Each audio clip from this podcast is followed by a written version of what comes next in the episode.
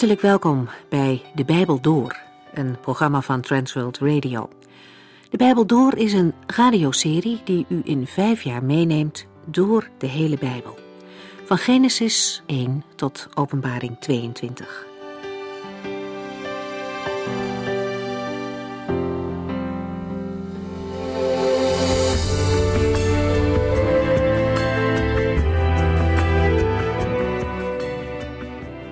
Nehemia laat in zijn boek in de Bijbel zien hoeveel verschillende dreigingen er zijn die het werk van God stil kunnen leggen. In hoofdstuk 5 zagen we de vorige keer dat er een onderlinge strijd is die de kop opstak en ook interne verdeeldheid kan verlammend werken. De oorzaak van de problemen tijdens de bouw van de muur in Jeruzalem was dat veel plattelandsbewoners zo arm geworden waren dat ze in grote problemen kwamen. Grote gezinnen hadden te weinig te eten, zodat de kinderen honger leden. Anderen hadden hun grond en huizen verpand om voedsel te kunnen kopen of de hoge belastingen te betalen. Het was zelfs zo ver gekomen dat mensen hun eigen kinderen hadden verkocht als slaven. Met al hun verdriet en al deze klachten komen ze bij Nehemia en voeren aan dat zij toch van hetzelfde volk zijn.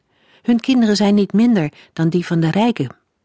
En als Nehemia dat hoort, wordt hij, ontzettend boos. En toch weet hij zich te beheersen. Hij laat zich niet door zijn woede leiden. Hij denkt eerst goed na over de feiten en dan spreekt hij de rijke burgers en de bestuurders erop aan. Hij stelt het onrecht aan de kaak. De rijken hebben wel naar de letter van de wet gehandeld, maar het medeleven en de genade en het medelijden, die zo kenmerkend zijn voor de wetgever met een hoofdletter W, voor de Heere God dus, dat hebben ze laten liggen. Als Nehemia hen confronteert met hun daden, zwijgen ze en hebben geen antwoord. Nehemia gaat verder en wijst hen erop dat hun houding een slecht getuigenis is voor de heidenvolken. Want hun houding laat niet het hart van God zien. En dan is de reactie positief. Schulden worden kwijtgescholden en bezittingen teruggegeven. En dan eindigt men met het loven van de Heere God. De lofzang ontstaat weer wanneer problemen en verkeerde dingen weggedaan worden. We lezen verder, Nehemia 6.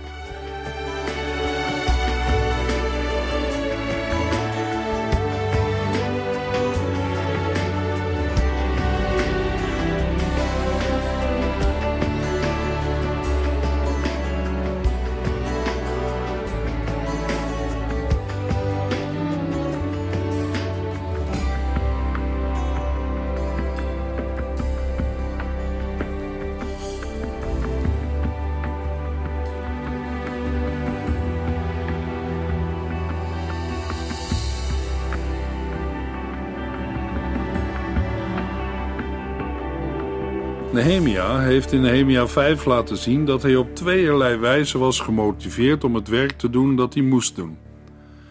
Nehemia heeft eerbied voor de Heer en zijn beoordeling en daarnaast medelijden met zijn volksgenoten vanwege de moeilijke tijd die ze doormaken. Daarmee komen de twee belangrijkste geboden van de Heer tot uiting: het liefhebben van God en de naaste. In zijn leiderschap doet Nehemia geen beroep op formele regels, maar op de geest en intentie van de wet. Hij geeft zelf het goede voorbeeld en neemt als leider een zwaardere last op zich dan hij vraagt van anderen. Juist ten aanzien van inkomsten en bezit ligt het voorbeeld van leiders heel gevoelig. Uit het voorgaande blijkt ook dat Nehemia de gevaren van buitenaf maar ook van binnenuit het hoofd weet te bieden door gebed, geestelijke bemoedigingen en praktische maatregelen. Nehemia en de zijnen hebben een uiterste inspanning geleverd. Hetzelfde lezen we van de apostel Paulus in 1 Corinthians 15 vers 10 en van David in Psalm 69 vers 10. David geeft aan dat hij alles heeft gegeven voor Gods huis maar ook dat hij veel beledigingen heeft moeten incasseren.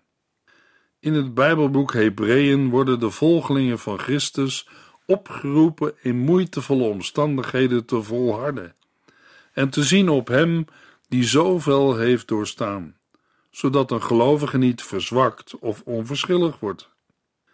In Nehemia 6 gaan we nu lezen hoe het werk aan de muur van Jeruzalem wordt afgemaakt.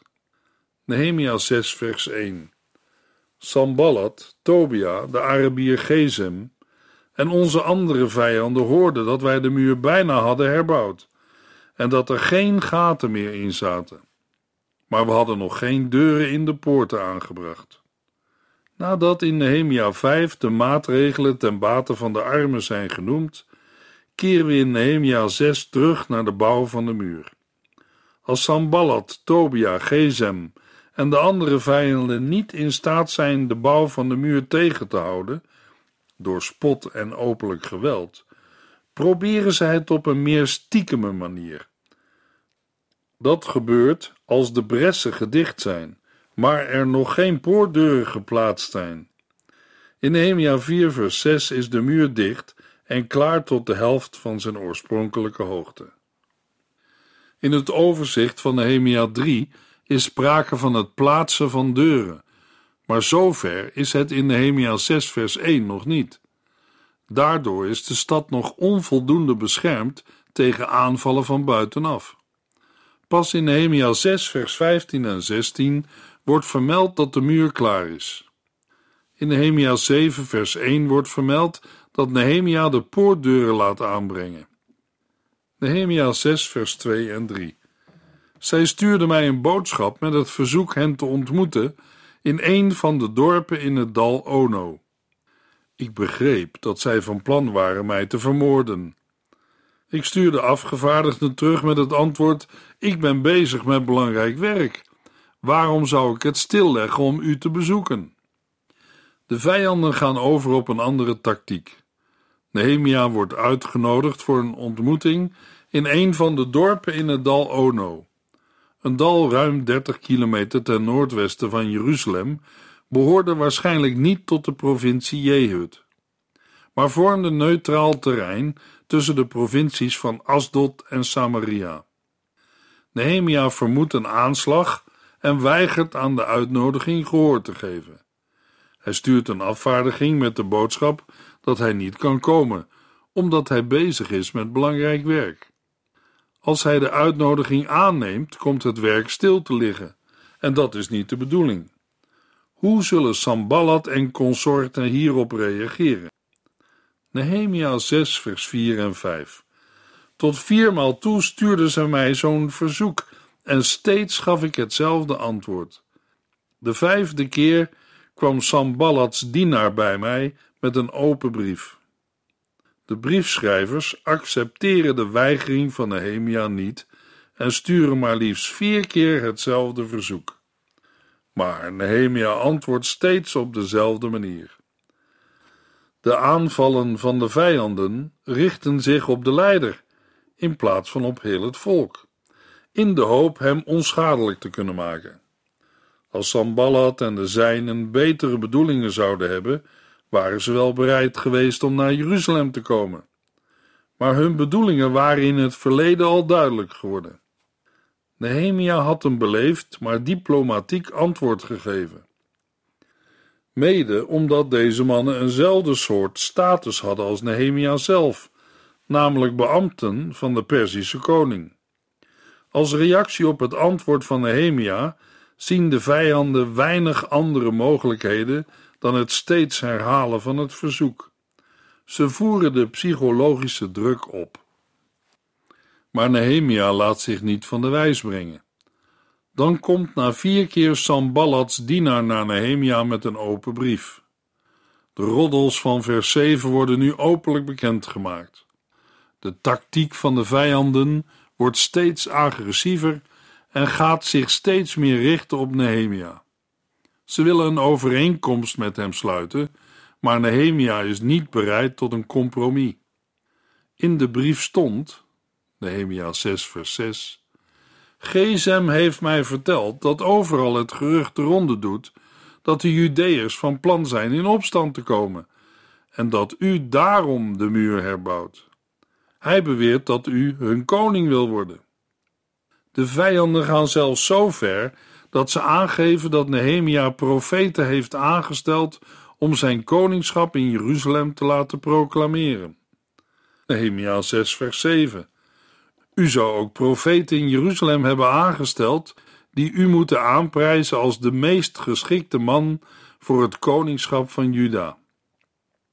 U kunt er zeker van zijn dat men al deze interessante gegevens aan koning Artaxerxes zal doorspelen. Maar ik stel voor dat u eerst bij me komt om de zaak door te praten. Het is een merkwaardige beschuldiging die veel zegt over de briefschrijvers. Want in vers 10 tot en met 14 blijkt dat ze zelf profeten omkopen om een gewenste boodschap uit te dragen. Ook het gebruik van de uitdrukking u zou profeten hebben aangesteld is absurd. De profeten zouden door Nehemia zijn aangesteld en niet geroepen door de Here voor het ambt van profeet. Daar zou Nehemia nooit aan meedoen. Overigens weten Samballat en zijn aanhang voldoende van het Joodse geloof om te weten dat profeten nodig zijn om iemand tot koning uit te roepen. Maar de dienaar van Samballat gaat verder en zegt: Maar u begrijpt toch dat dit aan de Perzische koning ter oren zal komen. Daarom stel ik voor om de zaak bij mij, Samballat, te komen doorpraten. Een koningschap van Nehemia zou door de Perzische koning Artaxerxes als opstand en rebellie worden opgevat. Een dergelijke beschuldiging was in Esra 4 voldoende om de herbouw van Jeruzalem te laten stoppen. Samballat heeft al in Nehemia 2 vers 19 spottend gesuggereerd dat Nehemia in opstand kwam tegen de koning. Ook het verzoek van Samballat om de zaak door te praten is na een dergelijke brief vreemd, want overleg met anderen kan ook worden uitgelegd als een samenzwering tegen de koning van Perzië. Nehemia 6 vers 8 Mijn, Nehemia's, antwoord luidde, wat u schrijft klopt niet. U bedenkt dat allemaal zelf. Nehemia spreekt de geruchten kort en krachtig tegen. Nehemia doorziet de strategie en ontkent alles. Hij beschuldigt Samballat van verzinsels die hij zelf heeft bedacht. In een toelichting voor de lezer geeft Nehemia aan dat de vijanden hen bang wilden maken, zodat het werk aan de muur moet stoppen. Nehemia 6 vers 9 Zo probeerden zij ons bang te maken, zodat we met dit werk zouden stoppen. O God, geef mij kracht Zoals eerdere keren ook gebeurde, brengt de situatie Nehemia tot een kort gebed. Luisteraar, steeds bepaalt de geschiedenis van Nehemia ons bij de kracht en steun van het gebed. Nehemia 6, vers 10 en 11. Enige tijd later bezocht ik Semaja, de zoon van Delaya en een kleinzoon van Mehetabel. Hij zei dat hij een boodschap van God had ontvangen. We moeten ons in de tempel verbergen en de deur op slot doen, riep hij uit. Vannacht zullen ze komen om u te vermoorden. Maar ik antwoordde: Zou iemand als ik vluchten? Zou ik mijn leven op het spel zetten door de tempel binnen te gaan? Ik ben immers geen priester. Nee, dat doe ik niet. Na de vergeefse poging om Nehemia weg te krijgen uit Jeruzalem, gooien de tegenstanders het over een andere boeg. Als Nehemia in het huis van Samaja komt, stelt deze voor om samen naar de tempel te gaan en de deuren te sluiten, want deze nacht wordt er een aanslag gepleegd op het leven van Nehemia. Samballat en Tobia beschikken over goede contacten in de stad, en dat geldt ook voor contacten met de priesters. Deze groep van contacten zal er door Nehemia's sociale maatregelen niet kleiner op zijn geworden. Voor veel rijken en aanzienlijken waren Nehemia's maatregelen financieel gezien niet gunstig. Semaja is ons verder onbekend, maar gezien zijn voorstel is het mogelijk dat hij toegang tot de tempel had en daarom een priester of een leviet was. Nehemia is bereid om naar hem toe te komen. Semaja waarschuwt Nehemia en zegt dat zij zich in de tempel moeten verbergen en de deuren op slot doen. Maar hoe kan een profeet van de Heere zoiets zeggen? Hoe kan hij namens de Heere God zeggen dat Nehemia iets moet doen wat de Heere duidelijk in zijn woord had verboden. Nehemia 6 vers 12 tot en met 14 Ik merkte namelijk duidelijk dat God hem niet had gezonden. Sambalat en Tobia hadden hem omgekocht om deze profetie over mij te spreken. Hij moest mij bang maken en laten zondigen door de tempel in te vluchten. Dat zou voor hen een aanleiding zijn geweest mij een slechte naam te bezorgen. O God, bad ik. Vergeet niet de slechte daden van Tobia, Sambalat, de profetes Noatja en de andere profeten, die probeerden mij angst aan te jagen. Een Israëliet mocht in de tempel wel naar de voorhof, ook voor het zoeken van asiel. Maar hier wordt niet de voorhof, maar het eigenlijke heiligdom bedoeld. Het was voor niet-levieten verboden daar binnen te gaan.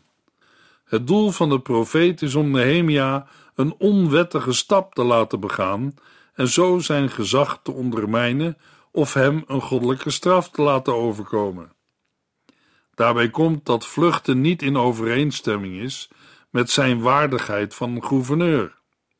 Als een onbevoegde loopt zijn leven gevaar, als hij toch het heiligdom binnengaat. Waarom?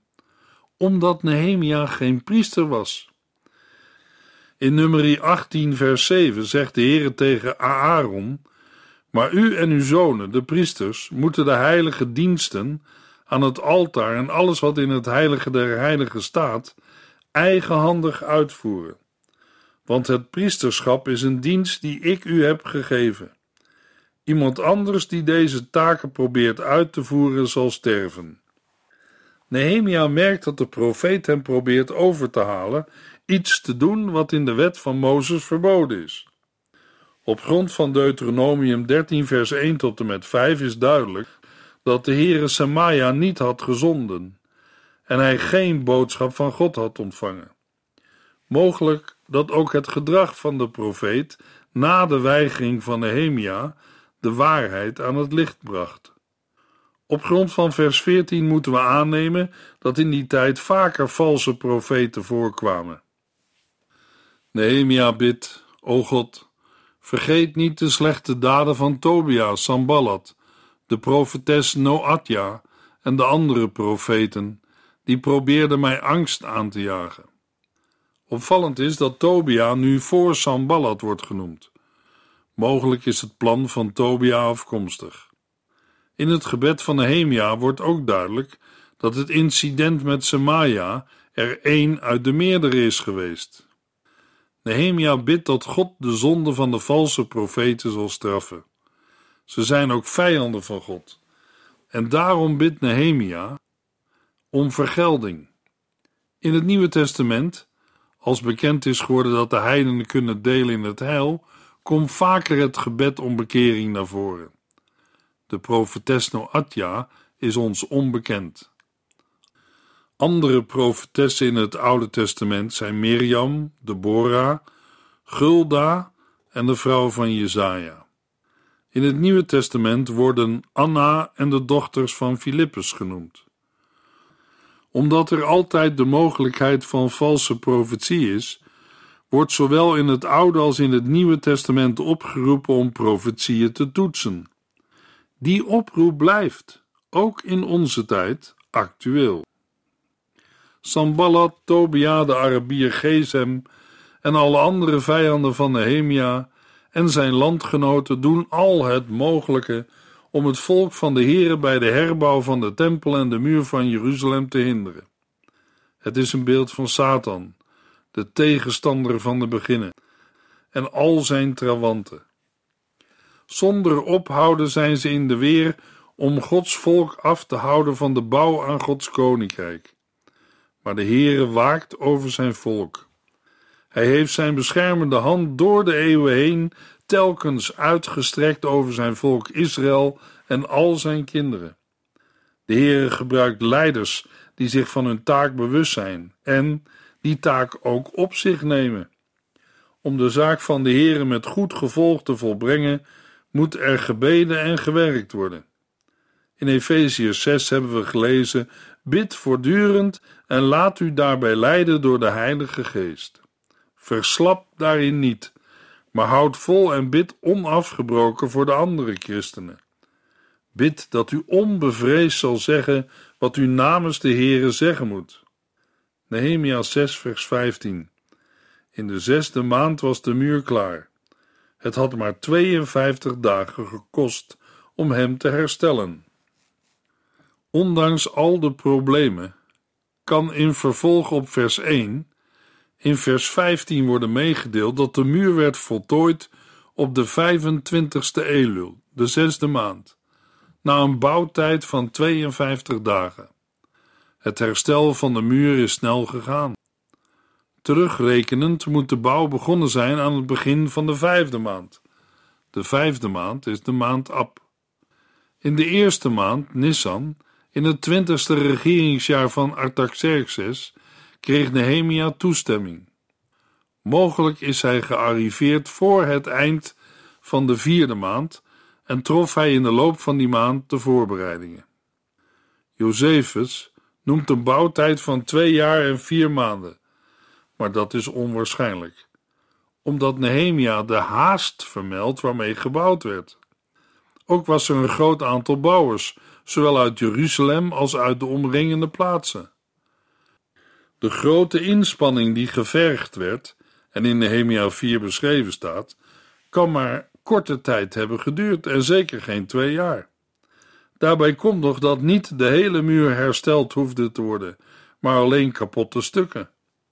Ter vergelijking kan mogelijk helpen dat de bouw van een muur rondom Athene in één maand was afgerond en dat de muren van Constantinopel in zestig dagen zijn herbouwd.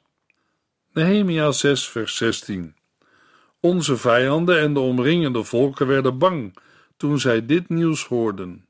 Zij voelden zich vernederd en moesten erkennen dat het werk was verricht met de hulp van onze God.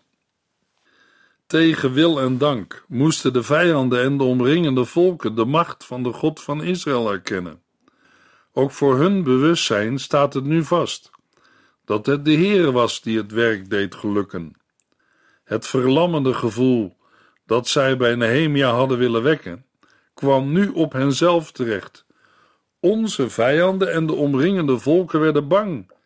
Ze voelden zich vernederd en moesten erkennen: het werk was verricht met de hulp van God. Ja, met de hulp van de Heere kon het werk in 52 dagen worden gedaan. Maar er dreigt nog steeds gevaar.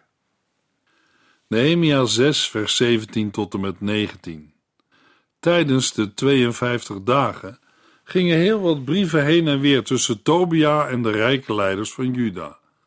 Want veel mannen uit Juda hadden hem trouw gezworen, omdat hij een schoonzoon was van Seganja, de zoon van Arach, en omdat zijn zoon Johanan was getrouwd met een dochter van Mesullam, de zoon van Berechja. Zij prezen hem in mijn aanwezigheid en briefden alles wat ik had gezegd aan hem over. Tobia stuurde mij dan ook een hele stapel dreigbrieven om mij bang te maken. Tot slot wil Nehemia nog even belichten van welke aard de tegenstand is die hij uit de kring van zijn eigen volk ondervond. En daartoe vermeldt hij hier de relaties van Tobia.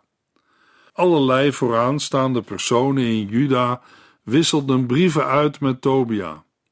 Omdat de plaatsing van vers 17 tot en met 19 voor ons beter past na vers 14 en daarna past de vermelding van de voltooiing van de muur, ligt het voor de hand aan te nemen dat vers 17 tot en met 19 toegevoegde opmerkingen zijn.